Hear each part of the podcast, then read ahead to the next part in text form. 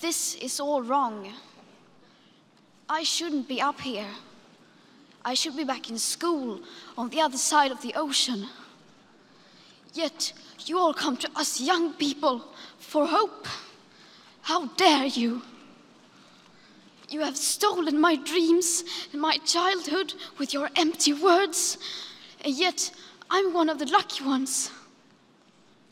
People are suffering, people are dying, entire ecosystems are collapsing. We are in the beginning of a mass extinction, and all you can talk about is money and fairy tales of eternal economic growth. How dare you!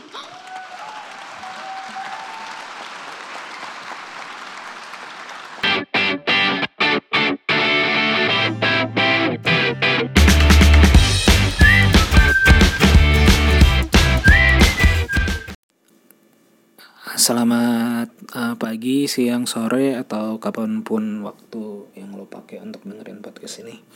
Kembali lagi bersama gue Panji di acara ngobrol-ngobrol bisnis. Uh, kali ini kembali lagi dengan versi monolog, uh, podcast monolog. Uh, sekarang tanggal 26 September 2019, uh, rencana podcast ini akan diupload uh, hari Jumat tanggal 27 besok ya, tanggal 27 besok. Karena pengen gue bedain seperti yang gue bilang di podcast ngobrol bisnis monolog versi sebelumnya. Uh, yang monolog akan diupload tiap hari Jumat dan yang normal dengan narasumber dan pure ngomongin bisnis itu tiap hari Senin. Seharusnya tadi di opening lo denger, yang lo denger adalah suara dari Greta Thunberg uh, dalam pidatonya atau speechnya di PBB di Persatuan Bangsa-Bangsa rencana gue masukin speechnya dia memang. Tapi kalau lo pada atau kalian yang dengerin uh, kalian nggak denger speechnya dia uh, itu berarti karena gue skip atau apa ya nggak uh, sempet lah atau males ternyata nginsert uh, speechnya dia. Tapi speechnya dia cukup viral uh, belakangan ini ya. Uh, speechnya dia cari aja nanti di di di apa di YouTube gitu ya. Pidato atau uh, Greta Thunberg tulisannya Greta biasa G R E T A Thunberg T H U N B E R G ya. Greta Thunberg speech on UN gitu ya atau cari cari sejenis-jenis itulah. Nah siapa dia? Uh, Greta Thunberg itu uh, seorang anak uh, bukan anak-anak ya seorang remaja lah ya umur 16 tahun dari Swedia yang Senin kemarin baru pidato di PBB pidatonya sangat bagus menurut gue keren banget emosional dan uh, menggugah lah ya. Uh, Doi mengangkat masalah lingkungan dan perubahan iklim. Doi keren banget sih uh, apa namanya. Jadi dia tuh uh, apa ya bisa dibilang dia adalah aktivis lingkungan dan di pidatonya itu uh, dibawakan dengan sangat emosional yang intinya adalah yang kurang lebih ya uh, konteksnya adalah lingkungan kita lagi krisis lah sebenarnya dan dia menggugat bahwa ini kalian para para pemimpin dunia Eh, nggak uh, concern nih terhadap masalah ini sehingga menyisakan uh, masa depan bagi gue dan teman-teman gue itu bahasa dia gitu lah ya menyisakan menyisakan masa depan yang suram buat mereka buat ya uh, usia-usia mereka nah ke depannya karena memang udah banyak masalah banyak-banyak isu-isu yang diangkat lah di situ. Dan gara-gara itu viral rame gitu di di timeline eh di Twitter ataupun di mana gitu gue gue sempet sempet lihat jadi gue tertarik dan gue gue searching searching lah tentang dia. Dan uh, makin ini sih gue ya salut ya sama tipe-tipe anak yang kayak gini gitu. Satu dia masih muda banget dan terus ini kan baru masuk uh, eh, PBB kemarin lah baru diundang speech di sana itu kemarin. Tapi aksi yang dia lakukan untuk membela lingkungan lah ya untuk me, apa ya memperjuangkan isu yang yang diangkat itu udah udah udah cukup lama lah. Uh, udah cukup lama gitu. Bahkan oh ya bahkan dia datang ke Amerika dia kan dari Swedia datang ke Amerikanya tuh nggak naik pesawat gitu. Karena dia menolak uh, ya ini karena memakai fuel kayak gitu. Bahkan uh, terus dia pun naik naik uh, kapal uh, naik boat ya dari Swedia yang sama sekali apa namanya non karbon gitu tidak mengeluarkan emisi karbon. Jadinya kayak bener-bener wah keren banget sih. Walau mungkin nyulitin ya bagi bagi gue nggak tahu di panitianya ngundangnya bagaimana ya. Tapi tapi katanya sih kalau gue sempat baca artikel juga katanya dibiayai sama keluarga atau orang tuanya kayak gitu gitulah ya. Dan jauh sebelum itu yang dia lakukan adalah dia kan anak sekolah nih dia kan harus sekolah gitu aksi yang dia lakukan untuk memperjuangkan uh, isu yang dia bawa adalah dia melakukan mabal atau bolos ya bolos dari sekolah. Itu tiap hari tiap hari tertentu taruhlah hari Jumat lah ya. Dia setiap hari Jumat setiap minggunya tuh bolos dan melakukan protes di depan gedung parlemen di Swedia gitu. Jadi dia mengangkat poster uh, tentang isu-isu lingkungan dan segala macam. Itu rutin dia lakukan. Dan itu sendiri gitu ya. Dia sendiri bahkan orang tuanya tidak mensupport gitu. Uh, jadi kesadaran yang timbul dari diri sendiri dia mungkin baca-baca dan segala macam uh, tiap minggu dia lakukan tanpa ada support dari orang tuanya. Support dalam artian uh, ya orang tuanya mengizinkan gitu. Cuman tidak memberi apa ya memberi bantuan lah gitu. Jadi ya sok apa kalau gue baca kalau gue baca uh, apa salah satu artikel gitu ya dibiarkan aja. Ya kalau lo mau melakukan ya lakukanlah karena kebebasan gitu kan. Silakan lakukan aja tapi kita nggak bisa kita nggak nggak nggak ngedukung juga gitu karena orang tuanya juga cukup uh, apa namanya hmm, ya biasa aja terhadap terhadap isu lingkungan itu. Jadi dia melakukannya sendiri uh, mandiri ya benar-benar sendiri. eh, nggak uh, ada teman-temannya. Karena kalau yang gue baca dia tuh juga uh, punya apa sih namanya sedikit dia punya sindrom Asperger lah namanya. Itu semacam kayak salah satu uh, kategori autisme lah bahwa, dia kurang bisa bersosialisasi dengan baik kayak gitu. Jadi di di sekolah dia sempat katanya bikin coba gerakan ngajakin teman-temannya tapi ternyata nggak ada yang nggak berhasil lah. Teman-temannya mungkin punya concern masing-masing. Akhirnya ya udah dia lakukan sendiri. Jadi benar-benar mandiri.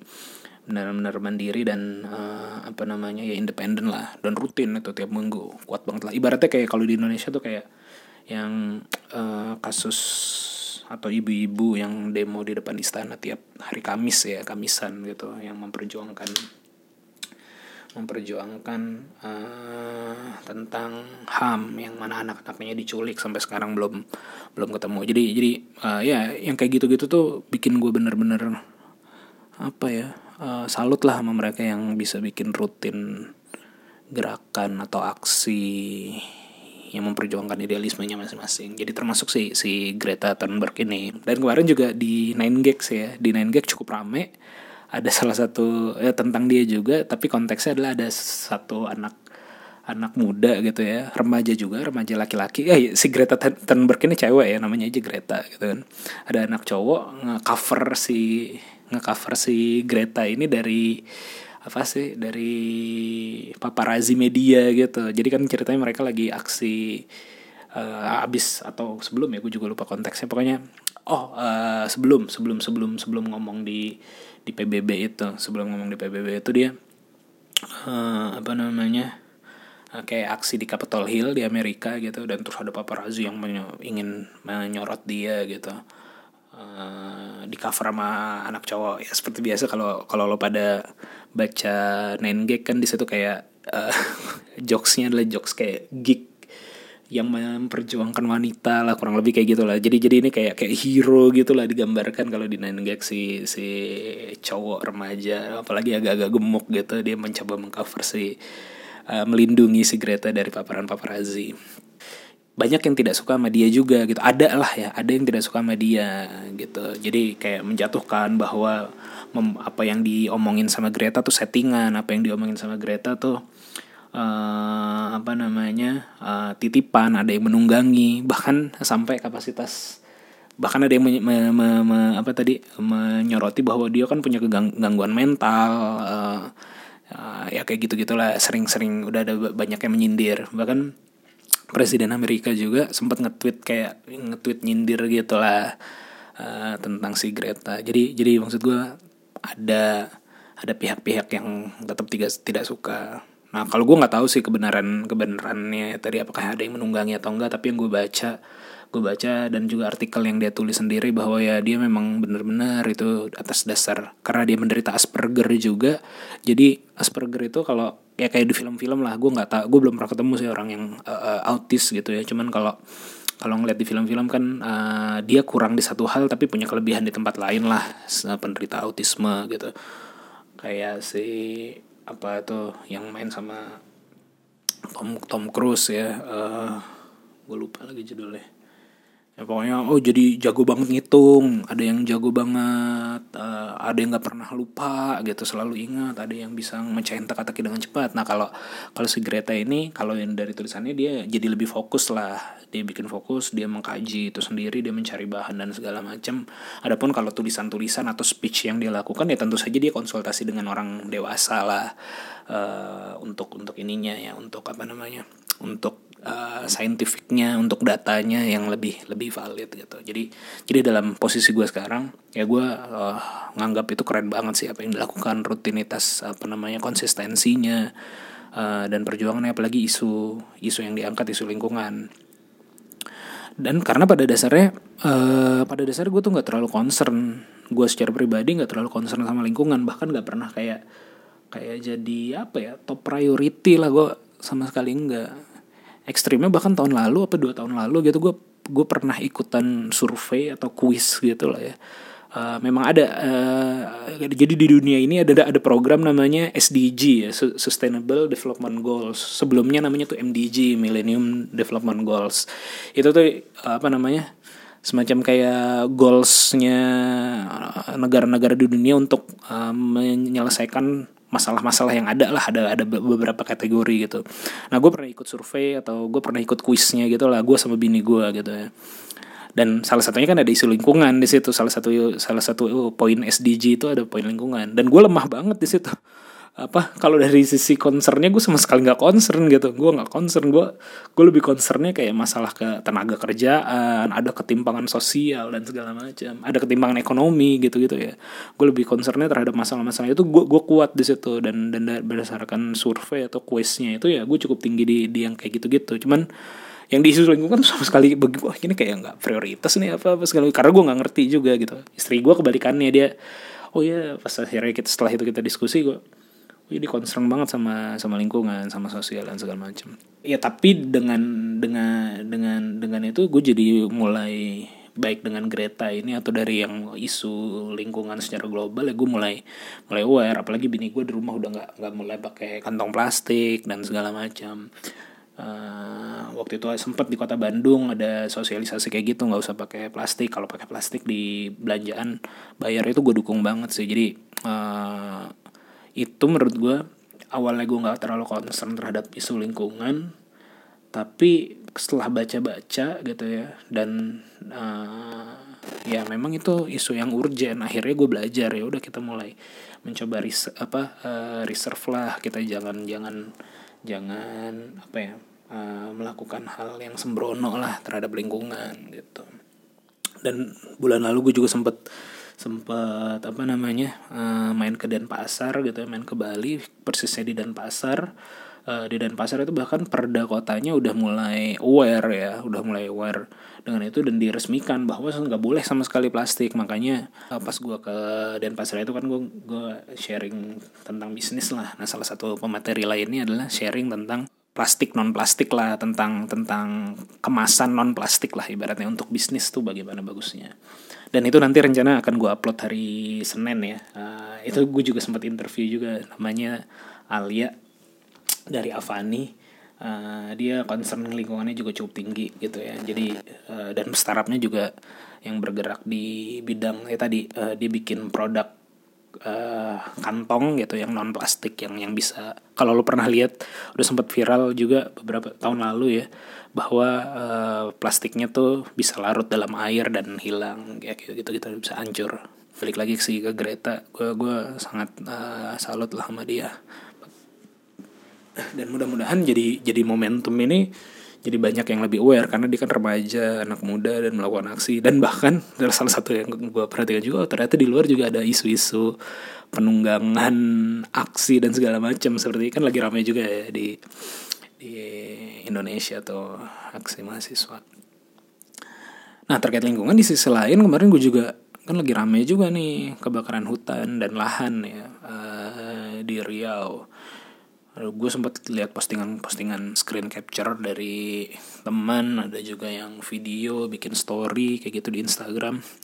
Parah banget sih dan salah satu penyebabnya walaupun udah udah udah mulai ditangkap atau bahkan udah ada yang dihukum juga ya itu adalah dilakukan oleh perusahaan-perusahaan kan? Perusahaan kelapa sawit perusahaan-perusahaan apa namanya perusahaan baik perusahaan asing maupun perusahaan lokal gitu ya perusahaan asing maupun perusahaan lokal. Karena ya mungkin untuk membuka lahan lebih murah kali dengan dengan membakar atau apa. Cuman ya menurut gue uh, itu miris sih. Kalau itu memang dilakukan dengan sengaja dan dengan niatan agar sekedar lebih murah gitu ya e, biayanya kosnya lebih murah. Menurut gue sih menurut gue itu jadi ya itu parah banget sih. Kadang-kadang memang pengusaha lah atau perusahaan itu kan memang mikirinnya tuh untung rugi aja ya. Mikirinnya tuh hanya profit and loss hanya gimana cara gue ngereduksi cost gimana gue bisa memperbesar revenue gitu. Dan itu kadang-kadang bikin gue secara pribadi kadang-kadang ngerasa hal-hal kayak gitu. Dan yang gue lakukan di bisnis gue kadang-kadang gue ngerasa itu kayak apa ya kita selalu mencari pembenaran nih. Misalnya gue mereduksi cost dengan memotong karyawan gitu ya mengurangi uh, karyawan. Uh, itu kan sebenarnya kalau kalau dalam dalam konteks atau memecat karyawan dengan dengan peringatan sehingga tidak perlu bayar apa sih namanya pesangon dan segala macem kayak gitu. Kadang-kadang kan gue jadi ngerasa uh, apa ya uh, itu kayak kayak jahat juga gitu uh, kayak kayak itu melakukan sesuatu yang nggak benar gitu. Tapi di sisi lain ya kadang-kadang ya ini kan ada pembenaran yang gue lakukan gitu. Ya ini kalau nggak perusahaan nggak bisa bertahan. Kalau perusahaan nggak bisa bertahan makin banyak lagi yang menderita dan segala macam kayak gitu. Jadi ada dilema lah kayak gitu. Cuman kalau urusannya udah jauh lebih besar menurut gue udah jadi concern yang apa ya ini yang dikorbankan begitu besar gitu kalau si perusahaan ini atau si pengusaha ini membakar hutan membakar lahan gitu ya. Uh, yang membuat sampai asapnya ya itu merusak banget kan yang lihat di Riau beberapa postingan orang kan ini Riau apa Mars? Merah semua segala macam kayak gitu gitu kan. Itu udah ngeri banget sih uh, dan ya harusnya memang ya ditangkap tangkepin lah. Jadi itu udah jadi isu. Menurut gue uh, dan isu lainnya juga kan pemerintah malah mengelak lagi bahwa langit terang dan segala macam. Kalau lo baca kalau lo pada baca beritanya padahal kenyataannya kan ya ya beneran parah di sana gitu. Ya mudah-mudahan aja lah. Mudah-mudahan sih uh, katanya udah mulai hujan gitu ya tiga hari apa dua hari ini udah mulai hujan. Jadinya udah mulai reda hanya ada beberapa titik api lagi gitu kalau gue baca di di di beritanya.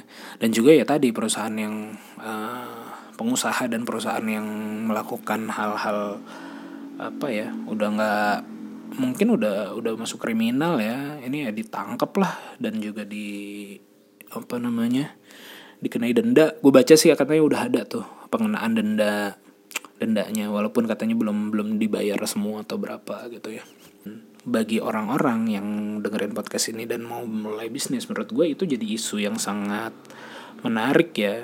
Gimana lo menjual sesuatu yang kaitannya sama bagaimana bisa nge-reserve uh, lingkungan gitu. Kayak tadi yang gue bilang di Bali itu dia bikin perusahaan plas apa kemasan non plastik itu bisa udah masuk ke Indomaret. Udah mulai banyak sih startup startup yang bikin produk uh, pengganti plastik bioplastik atau plastik dari singkong atau apa pun kayak gitu yang yang lebih ramah lingkungan.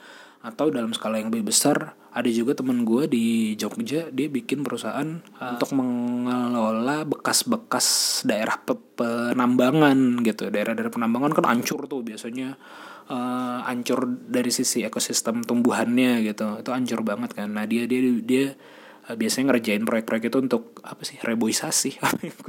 Pokoknya untuk untuk dihijaukan kembali lah gue gue lupa istilah aja kayak gitu. Dan itu jadi jadi jadi satu ya memang bagus lah. Ada salah satu dari si tulisan si Greta itu yang ngena banget di gue isu yang disampaikan salah satunya itu kan adalah lo harus panik nih. Bumi iklimnya udah mulai uh, berubah. Iklimnya udah mulai panas di mana-mana gitu kan. Bahkan tahun lalu kan sempat juga Leonardo DiCaprio sempat sempat apa namanya uh, speechnya dia di Oscar adalah uh, tahun itu adalah tahun apa ya hari apa gitu hari terpanas di sepanjang 100 tahun terakhir gitu kan. Itu itu udah udah parah banget lah. Nah tweetnya si siapa? Eh tweetnya lagi apa? Salah satu tulisannya si si Greta ini kan uh, oh yo panik kita harus panik dan segala macam. Cuman kan itu juga dikritisi sama orang. Lo menyikapinya jangan kayak gitu dong. Jangan menimbulkan kepanikan bahwa ya lingkungan berubah apa segala macam berubah. Jangan menimbulkan kepanikan. Nah argumen si Greta ini yang menurut gue cukup bagus adalah uh, dia bilang bayangin aja kalau lo di rumah tinggal di rumah rumah lo kebakaran gitu kan. Rumah lo kebakaran. Lo kan nggak bisa tenang-tenang aja ya udah nanti kita bangun ulang rumahnya dari kebakaran dari abu-abu yang udah runtuhan ini kebakaran kita bangun ulang. Nggak kayak gitu kan ketika lagi kebakaran nih lo harus panik. Lo harus keluar rumah lo harus telepon pemadam kebakaran gimana caranya lo menghentikan dulu. Mungkin ada beberapa yang harus lo selamatkan juga itu jadi jadi jadi jadi jadi apa ya jadi prioritas gitu. Jadi bukan cuma sekedar menerima dan nanti akan kita bangun ulang tapi lo harus concern dulu gimana menyelesaikan masalah ini. Menurut gue menurut gue uh, itu salah satu poin yang bagus sih. Dan uh, untuk ya tadi ya itu peluang bisnis juga di sisi lain. Cari ide bisnis yang kaitannya sama hijau lingkungan dan segala macamnya. Ya itu yang lagi meresahkan bagi gue uh, sama yang lagi meresahkan juga ya ini kan uh, minggu yang panjang ya uh, buat mahasiswa-mahasiswa. Nah, cuman ada satu yang yang yang meresahkan gue nih. Ada salah satu kemarin gue juga sempat tweet ya, tapi nggak jadi gue tweet atau gue hapus gitu. Ada salah satu artikel di Kompas yang menyebutkan ada salah satu pejabat lah bilang tuh uh, eh, KPK bisa menghambat investasi. Uh. ini tentang apa eh, konteksnya adalah tentang pengesahan RUU KPK gitu. Jadi ada salah satu pejabat di koran ngomong uh, di gue bacanya sih di Kompas ya di Kompas online gitu ya. KPK bisa menghambat uh, investasi dan itu gue baca-baca sampai bawah. Nggak ada penjelasannya gue cari di berita lain juga tidak ada penjelasan lebih lanjut Uh, dan akhirnya di Twitter rame gitu. Ataupun komentar-komentar di kolom uh, berita tersebut rame banget. Asumsinya masyarakat jadinya yang komen-komen itu ini menghambat investasi doi pribadi kali. Oh, Indonesia mau pindah negara eh pindah negara pindah ibu kota dia banyak proyeknya dia mau invest. Takut kejerat KPK kali. Karena konteksnya kan tadi ya gue bilang ya KPK dia bilang KPK bisa menghambat investasi Uh, makanya di RUU KPK kan kesannya tuh dilemahkan lah atau lebih lebih dikendalikan lah. Nah ini ngaco banget sih menurut gue ya gue pengen jadiin uh, ledek-ledekan banget yang namanya korupsi ya korupsi itu mematikan kompetensi eh korupsi itu mematikan kompetisi gitu jadi gara-gara ada yang korup orang tidak tidak lagi ya korup dalam dalam lebih spesifik gue menyebutkan dalam dalam konteks bisnis adalah suap dan gratifikasi gitu ya. Korupsi yang terjadi di situ itu mematikan kompetisi. Akhirnya si orang-orang si pejabat si pengambil keputusan yang harusnya bijak memilih suatu perusahaan untuk bisa menang gitu. Dalam konteks misalnya lebih spesifik lagi dalam konteks tender gitu misalnya.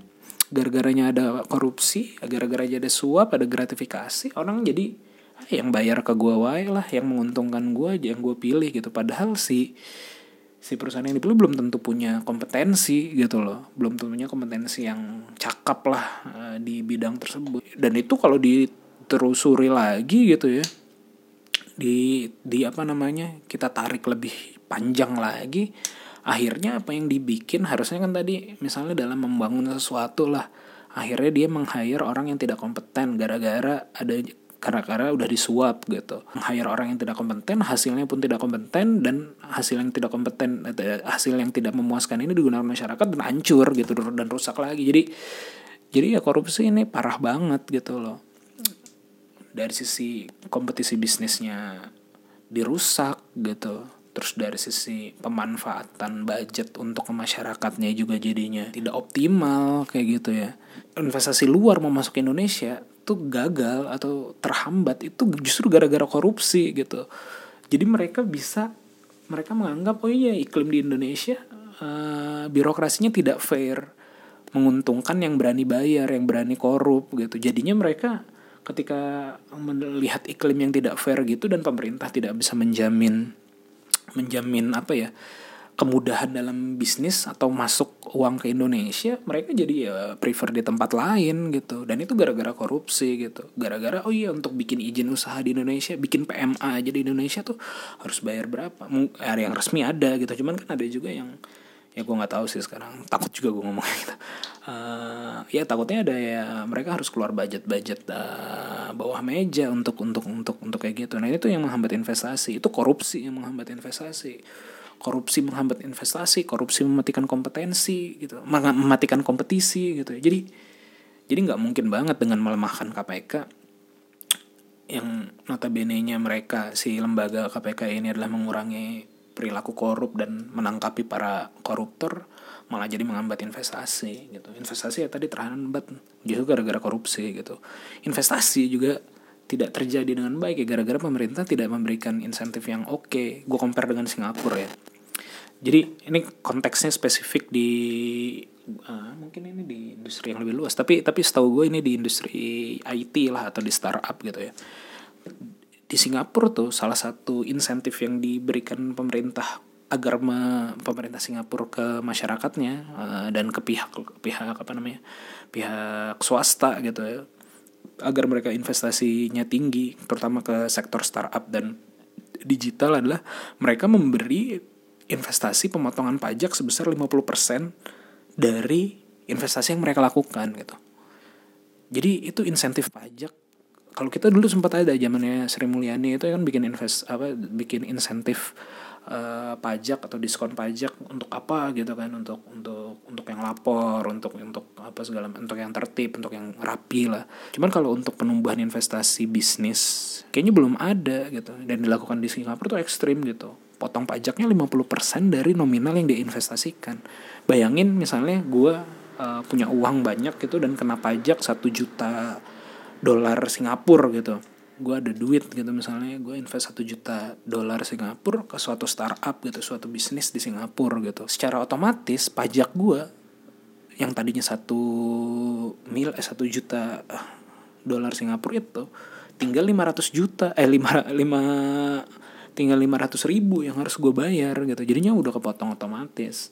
Dan tadinya yang tadinya 500 tadinya gue bayar sia-sia bukan sia-sia eh, pajak nggak sia-sia ya. Yang tadinya makanya gue uh, tidak ada return langsung lah. Ya, tidak ada return langsung ke pribadi gue dengan gue investasi di suatu startup uh, kepotong lima ratus ribu. Ibaratnya ya udah gue jadi invest lima ratus ribu dapat dapat tambahan lima ratus ribu yang dari tadinya harusnya gue bayar ke pajak dari situ gitu kan. Jadi jadi gue ya lebih menguntungkan. Dan itu itu tuh cara mendorong investasi mengham, terhambat gara-gara korupsi, pemerintah belum melakukan kerjaan yang lebih lebih bagus untuk mendorong investasi. Dan tentang RUU KPK gue juga dan pada awalnya gue sih sepakat sebenarnya KPK bahwa perlu diatur perlu diatur gitu ya perlu di apa sih namanya dikontrol lah uh, dan di apa ya di agar tidak jadi lembaga yang uh, absolut yang terlalu kuat lah yang terlalu menghegemoni gitu dan dan segala macam gitu.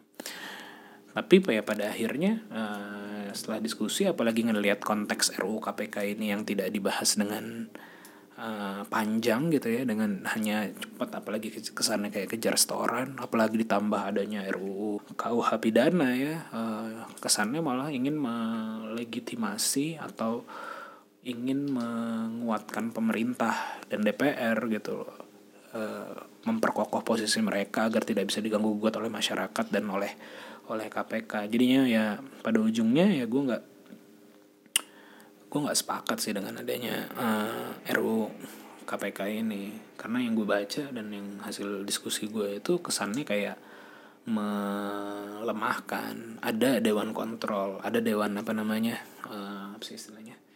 Dewan pertimbangan ya atau apa ya? Dewan uh, ya intinya yang mana approval secara operasional uh, harus melalui mereka gitu.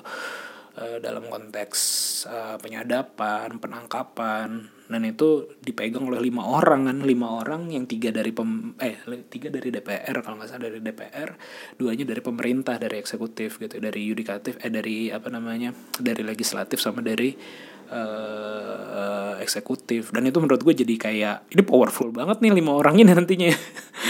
Lima orang jadi ibaratnya mereka ya ujung-ujungnya bisa jadi korup juga. Ini siapa yang siapa yang mereka izinkan untuk ditangkap atau tidak gitu.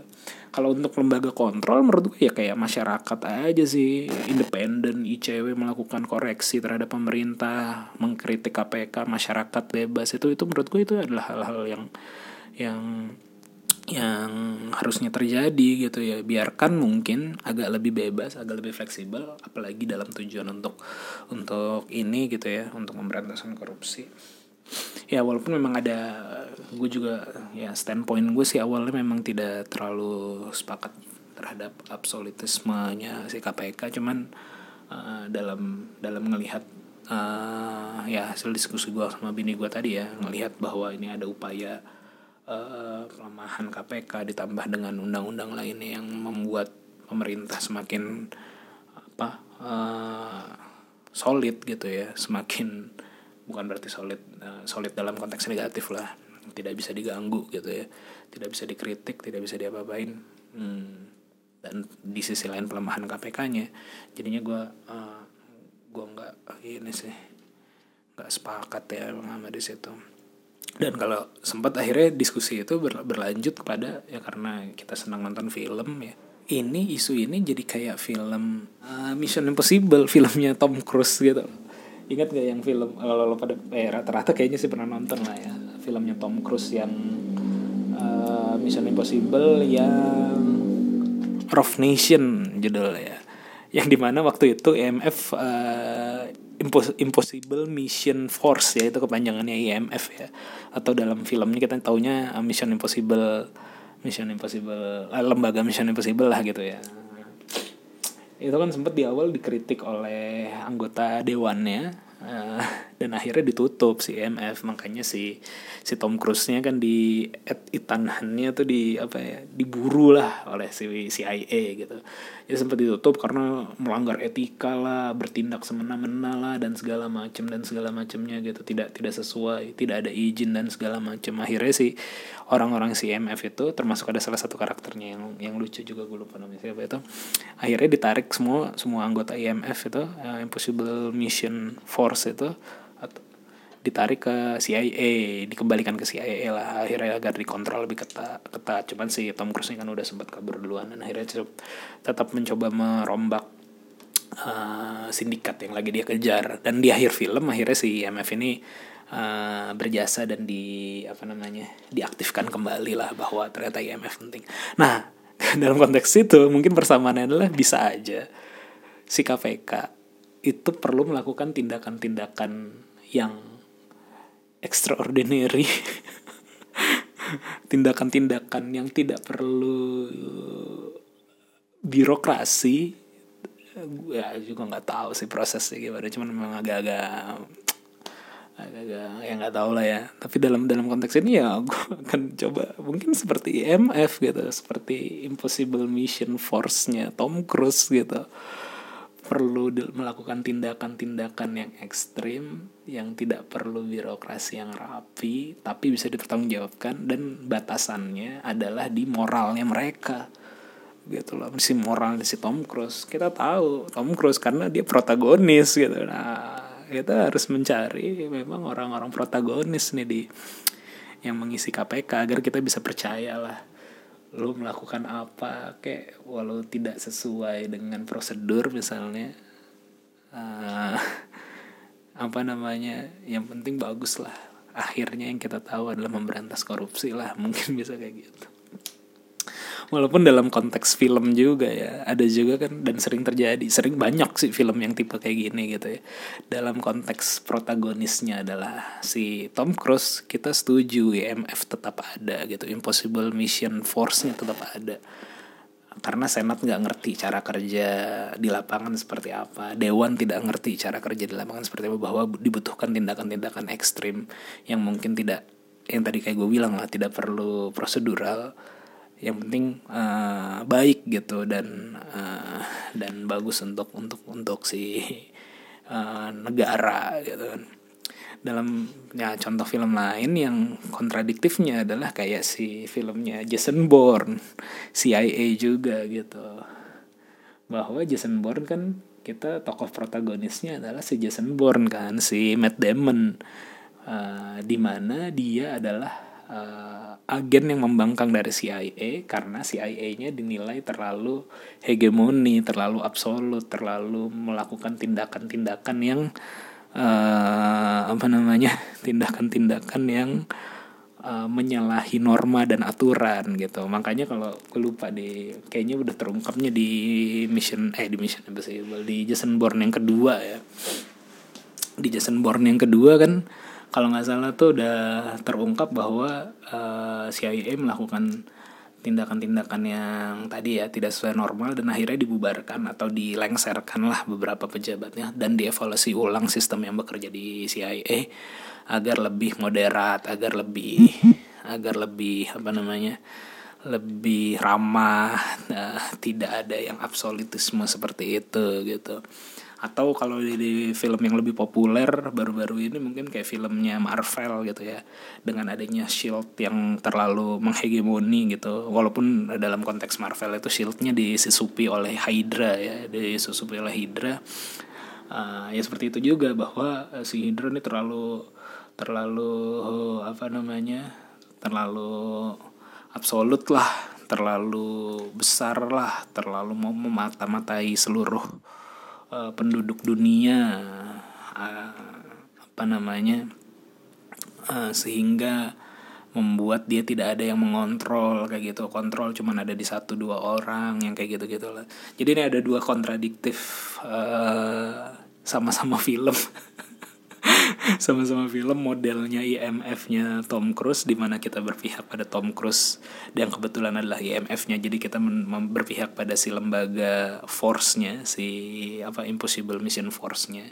Bahwa kita percaya lembaga ini akan bergerak independen dan baik untuk negara keberlangsungan umat manusia atau ya konteksnya kayak film Jason Bourne atau filmnya Marvel itu bahwa ada lembaga shield atau dalam konteks ini yang disusupi Hydra uh, kita nggak percaya sama lembaga itu dan butuh dikontrol. Atau kayak yang film-film realita kayak filmnya apa Snowden itu kan juga kayak gitu ya. Itu diangkat dari kisah nyata si Amerika ternyata lembaga-lembaganya memata matai uh, hampir seluruh orang di dunia gitu kan. Ya, itu kan kita nggak sepakat makanya ada protes di mana-mana kayak gitu Nah, KPK posisi yang mana? Ya dalam dalam hal ini gue masih mencoba untuk percaya lah bahwa orang-orangnya uh, bermoral yang ada di sana, apalagi kasus-kasus yang ditanganinya.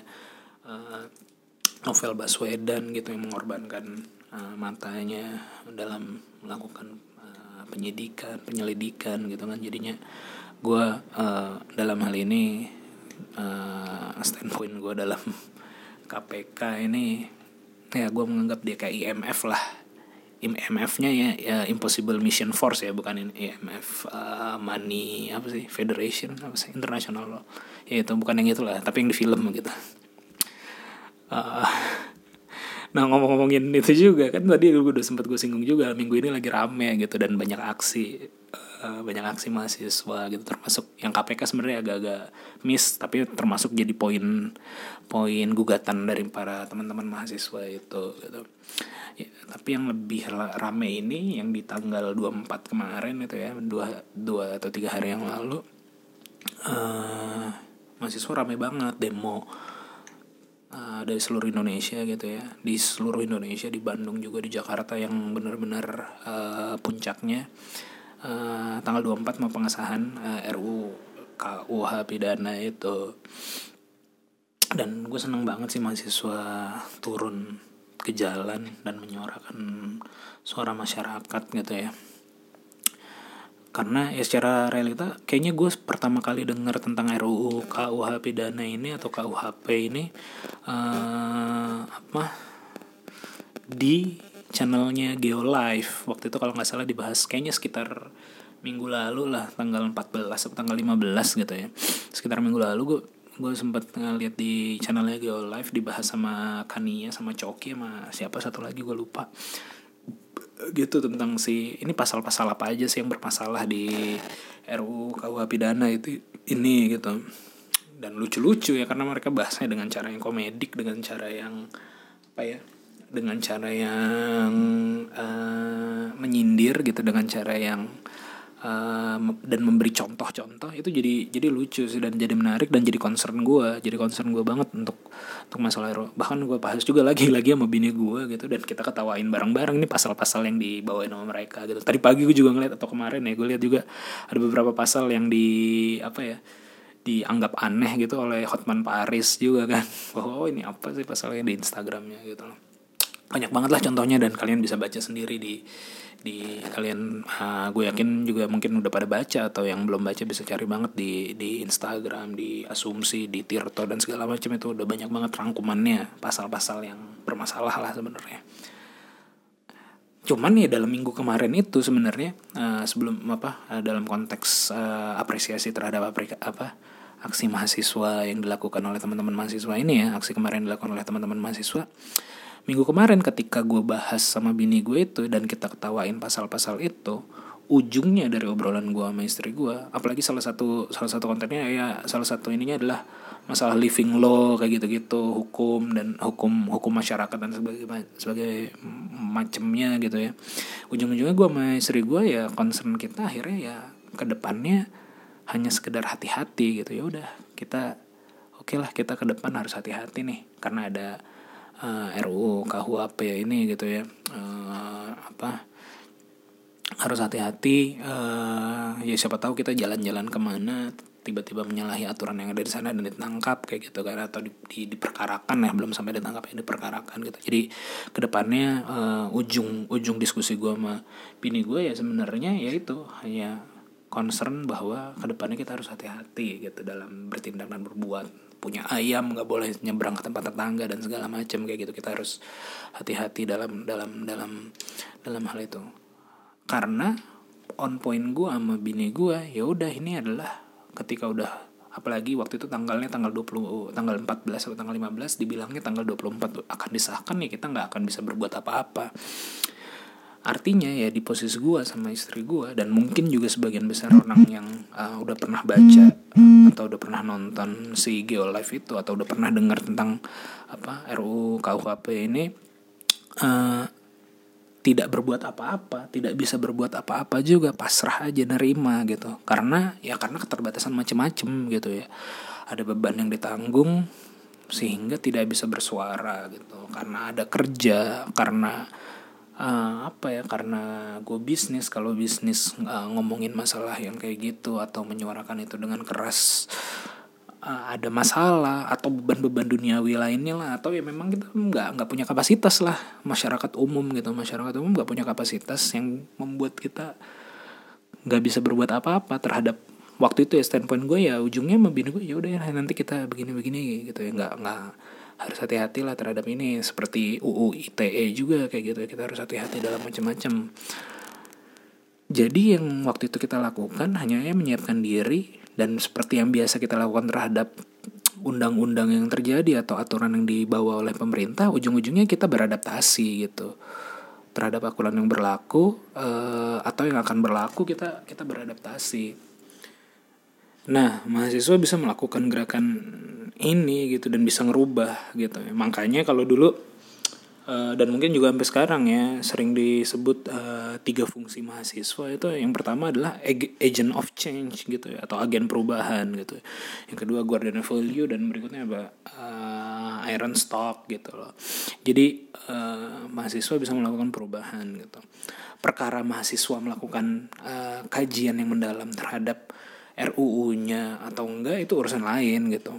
Walaupun sebenarnya dibuktikan sebaliknya ya, karena beredar juga uh, di kalau spesifiknya gue di grup-grup WA gitu ya, uh, dan juga mungkin beberapa teman-teman yang dengerin ini dari ITB uh, tersebar kajian-kajian yang dilakukan uh, oleh mahasiswa di kampus-kampus. Yang spesifiknya yang secara pribadi yang gue lihat adalah kajiannya uh, KMITB gitu ya dan gue yakin itu udah melalui proses ya untuk sampai demonstrasi atau uh, turun ke jalan gitu ya itu udah melalui proses yang panjang. Karena gue dulu ketika gue juga pas lagi mahasiswa ketika kita mau demo gitu atas nama keluarga mahasiswa atau atas nama BEM kampus pasti kita udah bikin forum massa sama senat-senat dan perwakilan uh, himpunan jurusan dan masa kampus gitu ya biar bisa dapat legitimasi dan bisa membawa nama KM ITB atau BEM ITB untuk dibawa sebagai ini adalah uh, apa sih namanya uh, eh, membawa namanya sebagai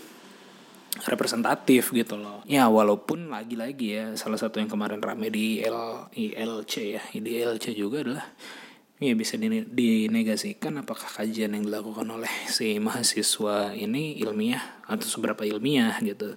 Dan apa? Tapi menurut gua itu bisa dinafikan sih.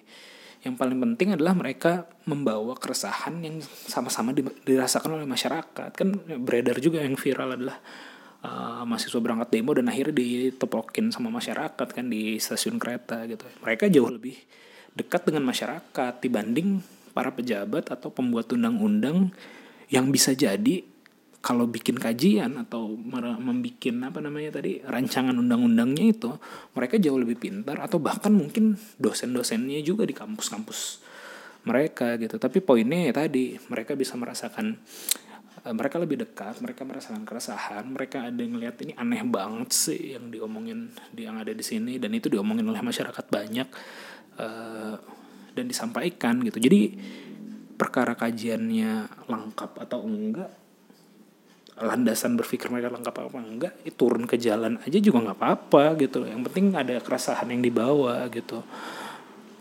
Dan spesifiknya gue apalagi tadi ngobrol yang hasil ngobrol sama bini gue itu ya kita nggak nggak sepakat terhadap itu dan cuma bisa ngetawain. Tapi ketika mahasiswa turun ya kita apresiat banget gitu. Kita uh, ya gue sepakat banget mahasiswa dan gue apresiasi banget mereka turun ke jalan dan dan bisa melakukan ini semua gitu. Apalagi dengan dengan uh, apa ya dengan gaya-gaya barunya gitu dengan gaya-gaya anak sekarang gitu ya yang mana receh dalam tanda kutip gitu ya yang meme gitu ya meme gitu ya dengan uh, redaksi-redaksi yang lucu gitu.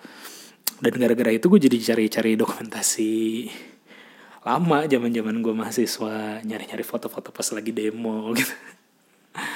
Uh, ya ya begitulah. Cuman ternyata ya zaman dulu ya demonya demonya fun serius serius gitu menyenangkan. Salah satu demo pertama gue uh, waktu jadi waktu tingkat satu waktu itu ada Yusuf Kala kampus kita bikin uh, demonstrasi. Gue lupa konteksnya apa ya kalau nggak salah. Merayakan berapa tahun lah setahun apa dua tahunnya. Pemerintahan SBY JK gitu kita demo gue juga lupa kontennya apa. Yang penting waktu itu kita demo aja sih. Secara pribadi ya gue lupa. Saat ini gue lupa ya.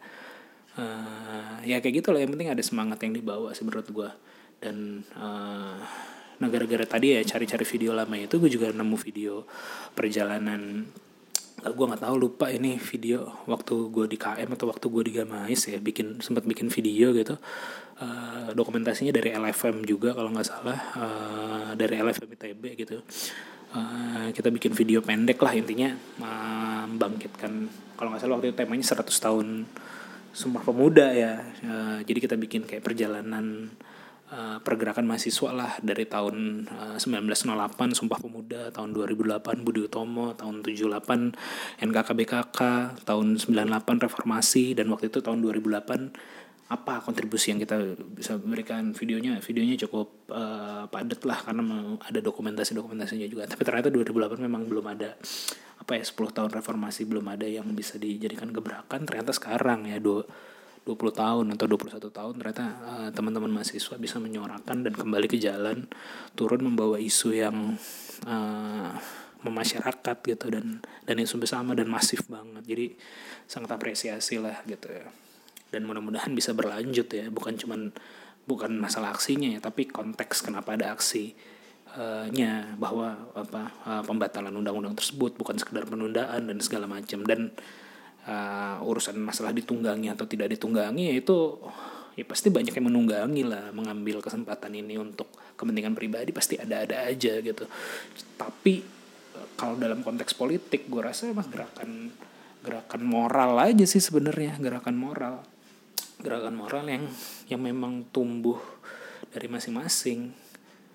Ya jangan kan yang mahasiswa yang segini banyak yang tadi yang gue cerita di awal si Greta itu aja juga ada yang menunggangi kan. Ada ada gosip-gosip menunggangi gitu entah benar atau enggak gitu. Yang mahasiswa juga seperti itu. Pasti pasti pun uh, tulus gerakannya tidak ada yang menunggangi. Pada saat ini tidak ada yang membiayai tapi pasti ada yang mengambil manfaat lah untuk oknum-oknum yang mengambil manfaat dengan tujuan uh, tidak baik itu pasti ada aja sih. Tapi gue rasa harus tetap dijaga tulus lah. Uh, jadi percaya lah dan apresiat banget sekali lagi buat mahasiswa. Cuman ada satu yang tidak tidak gue iniin sih. Dan dan bukan bukan konteks ke demonstrasinya tapi adalah salah satu salah satu tokoh ya yang gue baca juga di twitter. Uh, gue sebenarnya jarang banget komen belakangan ini ya. Dulu dulu mungkin ketika berapa tahun yang lalu tuh masih cukup rame lah di Twitter. Cuman belakangan gue cuman pakai Twitter sebagai apa ya?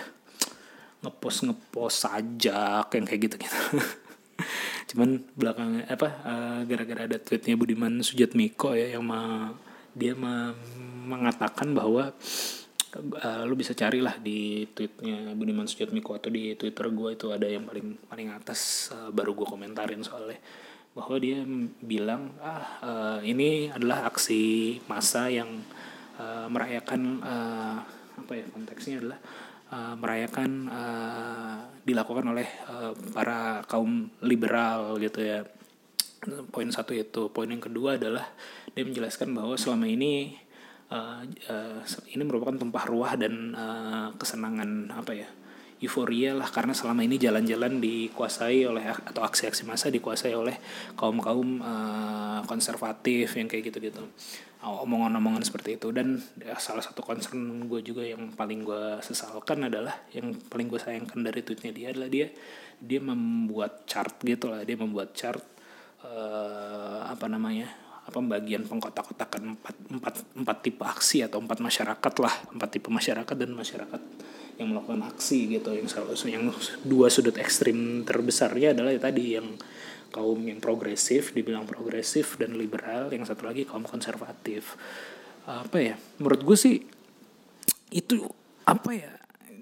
Sangat tidak sangat tidak representatif gitu loh dan itu menunjukkan gue jarang banget ya secara frontal melawan bukan melawan secara frontal menunjukkan ketidaksepakatan gue dengan satu hal gitu ya. Tapi tapi yang ini gue dia mengkotak-kotakan itu gue sangat tidak sepakat itu bahwa memang ada ada golongan liberal di Indonesia yang mengangkat isu-isu ini. Memang isunya isu-isu masalah privacy gitu ya isu-isu dalam tanda kutip selangkangan gitu ya. Tapi tapi bukan itu poinnya sih sebenarnya. Bukan bukan tentang euforia liberalisme gitu bahwa memang ada orang-orang di sana gitu. Tapi ada juga orang-orang yang tadinya demo di jalan untuk hal yang dibahasakan oleh Pak Budiman Sujatmiko adalah sebagai hal-hal yang konservatif juga turun ke jalan ada juga gitu loh. Jadi menurut gue itu dia sama sekali tidak memahami konteks atau struktur masyarakat atau struktur sosial yang ada saat ini dengan lebih dalam gitu loh. Itu orang yang jauh banget jadi kesannya mau kotak-kotakan Indonesia masyarakat Indonesia di empat kotak itu doang aja itu udah udah nggak mungkin gitu loh. Cross gitu loh. Met gue rasa sekarang tuh masyarakatnya tipikalnya bukan bukan lagi terkotak-kotak dalam satu lo adalah A. Kalau lo A lo bukan B. Kalau lo B lo bukan C. Bukan kayak gitu tapi lebih blend gue rasa sih ya. Dia dia tidak memahami itu. Itu sih yang sangat gue gue sayangkan. Dia memberi kotak-kotak itu dan banyak banget karena dia kan influencer juga pendukungnya banyak di Twitter gitu kan. Jadinya ya dibenarkan. Walaupun memang ada juga orang-orang yang uh, ya jangan kan kayak gitu ya di teman-teman gue juga banyak yang ah, lo aksi uh, masa yang konservatif itu kan dibayarin. Ya padahal kan kenyataannya enggak. Terus yang aksi ini lebih murni lebih datang dari masyarakat dan segala segala macam kayak gitu ya. Apa ya uh, sayang banget sih. Gue rasa sih semuanya bisa dilihat dengan kacamata yang lebih lebih apa ya lebih terbuka aja ya pikirannya lebih terbuka bahwa gue nggak gue tidak lagi rasanya Indonesia tidak lagi terkotak-kotak kayak gitu ya tidak terkotak-kotak dalam konservatif lo liberal lo konservatif. Ada yang seperti itu di dua sisi ekstrimnya tetap ada gitu. Orang-orang yang rasa bangga dengan liberalismenya ada yang bangga dengan konservatifnya. Tapi gue rasa yang mengambang atau yang di tengah-tengah yang bisa berubah-ubah sesuai dengan sesuai dengan concernnya dia pada saat itu ya ada juga gitu loh. Karena beda banget kalau ngomongin urusan konservatif. Ya gue juga dibilang gue konservatif dalam hal agama gue konservatif gitu loh. Ketika ketika hal ada hal yang menyinggung gue di situ ya gue marah gitu. Tapi ketika ada hal yang menyinggung gue dalam tadi ya ranah privacy atau ranah yang tadi dalam tanda kutip liberal bahasanya Pak Budiman Sujatmiko ya gue juga marah gue juga resah terhadap hal itu. Jadi beda sih mungkin antara yang satu digelitiknya di masalah emosinya masalah kepercayaannya masalah keyakinannya yang satu lagi digelitik kalau gue pribadi dari dari sisi intelektualnya dari sisi dari sisi hal-hal yang hal-hal moral lah gitu ya hal-hal dasar yang yang yang bisa di dirasakan umum. Jadi itu sangat aneh sih dia. Dan gue baru kali ini gue sangat mengapresiasi dia ya. Dia bikin innovation uh, .id kalau nggak salah. Banyak inisiasi dia yang bagus cuman dalam konteks ini dan pemahaman dia terhadap sosial masyarakat sih sangat sangat uh, sangat gue sayangkan ya. Mudah-mudahan dia dengar atau kalau ada yang kenal dan dengar sampaikan lah gue open untuk diskusi sih Nah, uh, ya mudah-mudahan sih mungkin ini udah mau di ujung podcast karena udah terlalu panjang juga. Mudah-mudahan dengan ramainya isu-isu ini uh, tadi ya ada RUU KPK yang sudah disahkan, ada RUU KUH pidana gitu yang yang uh, nggak tahu nih statusnya bagaimana sampai sore ini gitu ya. Orang-orang makin sadar akan pentingnya DPR gitu dan sebenarnya ini pernah gue omongin juga bukan di podcast ya gue nggak tahu ngomong di mana lah di sosial media atau di grup-grup WA gitu ya. Dan sebenarnya ini telat itu beberapa tahun lalu eh beberapa bulan lalu gue sempat omongin dan singgung-singgung tadi ya. Tapi mudah-mudahan ya kasus ini ramainya ini masyarakat ramai mahasiswa ramai membuat kita semakin enggah untuk milih anggota DPR yang baik dan benar gitu. Karena anggota DPR karena ternyata perannya DPR gede kan ternyata pengesahan ini enggak ya apa yang mereka bikin legislasi hukum yang mereka buat undang-undang yang mereka buat itu jadi ter, diterapkan masif gitu kan. Jadi mudah-mudahan ya ada kasus ini hikmahnya bisa jadi nanti ke depannya kita bisa milih anggota DPR yang baik dan benar dan kontrol kita terhadap anggota DPR ya agar lebih ketat lagi lah kan April lalu atau atau setahun terakhir lah ya sampai pemilu masyarakat terbelah gitu kan memilih presiden yang satu apa yang dua gitu dengan argumen macam-macam yang menganalisa keunggulan dan kekurangan masing-masing calon gitu kan. Dengan tujuan ya uh, ya kalau dalam dalam konteks bukan sebagai tim ses atau tim sukses uh, argumen-argumen itu bagus agar kita bisa memilih orang yang tepat uh, memimpin Indonesia orang yang tepat jadi presiden Indonesia gitu Nah, yang besar, yang lebih besar dari itu, ya itu besar gitu. Dan yang yang sama besarnya, yang sama pentingnya dan luput adalah argumen-argumen uh, terkait dengan tadi ya keunggulan, kekurangan terkait dengan siapa anggota DPR yang waktu itu mau dipilih gitu. Jadi oke okay, presiden cuma dua, gampang milihnya. DPR, DPRD, DPD itu kan banyak banget gitu. Dan kita bingung kita nggak tahu ada diskusi seperti itu. Kita nggak tahu argumen siapa yang paling bagus nih presiden atau calon anggota legislatif. Yang mana yang bagus pemikirannya yang tidak bagus pemikirannya. Itu nggak ada kan nggak terjadi. Jadi ya sayang nggak terjadi gitu. Jadinya ketika ya, itu ya gue pribadi tidak terlalu tahu atau minim info lah. Hanya di detik-detik terakhir gue mungkin sempat search siapa aja caleg di tempat gue gitu kan jadi minimnya info itu membuat kita minim mencari pilihan caleg yang lebih baik gitu kan yang bagus lah. Karena ternyata melihat kasus ini porsinya mereka ya besar. Mereka kaitannya ya bisa tadi. Bisa kaitannya sama terkait dengan tindak pidana korupsi sampai ke urusan privacy gitu kan. Nah anggaplah kemarin ini uh, ini kan yang mau ngesahin RUU bermasalah ini kan uh, pilihan rakyat tahun 2014 ya. Kita belum tahu yang uh, orang-orang yang kerja berdasarkan pilihan kita di tahun 2019 ini. Uh, karena nanti baru akan dilantik mungkin Oktober gitu ya. Ya mudah-mudahan aja mereka orang-orang yang lebih baik pun kalaupun nggak baik mudah-mudahan yang dengerin podcast ini nanti ingat ketika tahun mungkin nanti tahun 2024 kita lebih concern lagi lah milih wakil rakyat yang lebih tepat. Soalnya pun kita milih yang udah bagus misalnya awalnya bagus kita pilih gitu itu bisa jadi jelek gitu apalagi yang jelek gitu. Ini juga sempat gue post di Instagram ya di story Instagram bahwa uh, pada titik mana sih sebenarnya anggota dewan ini yang dulunya aktivis atau mantan aktivis lah ya jadi nggak peka lagi terhadap masyarakat sehingga membuat uh, undang-undang yang kayak gini gitu yang tidak pro ke masyarakat gitu itu yang bagus-bagus Fahri Hamzah apa segala macam kan tadinya dia adalah aktivis dan concern terhadap masyarakat gitu. Tapi ya gue nggak tahu lah keberpihakan dia sekarang pada siapa gitu sih. Uh, ya walaupun mungkin lebih ya gue juga nggak tahu lah dan nggak terpilih lagi juga dia kan di berikutnya. Makanya dulu sempat ada terminologi dari di filmnya siapa namanya tuh? Di filmnya Joker ya Batman gitu kan. Si uh, Two Face bilang kan you either die as a hero or live long enough to become a villain gitu. Jadi uh, jangan-jangan uh, ya memang aktivis ini idealis ketika masih menjadi aktivis ketika masih muda ketika sudah dewasa dan jadi pejabat ya hilang idealismenya. Ya nggak tahu lah cuma mudah-mudahan ya yang ada sekarang kan lagi rame banget tuh yang ketua bem ITB UI UGM mudah-mudahan mereka tetap uh, apa namanya tetap idealis tetap bisa memperjuangkan kepentingan rakyat. Hidup mahasiswa hidup rakyat Indonesia.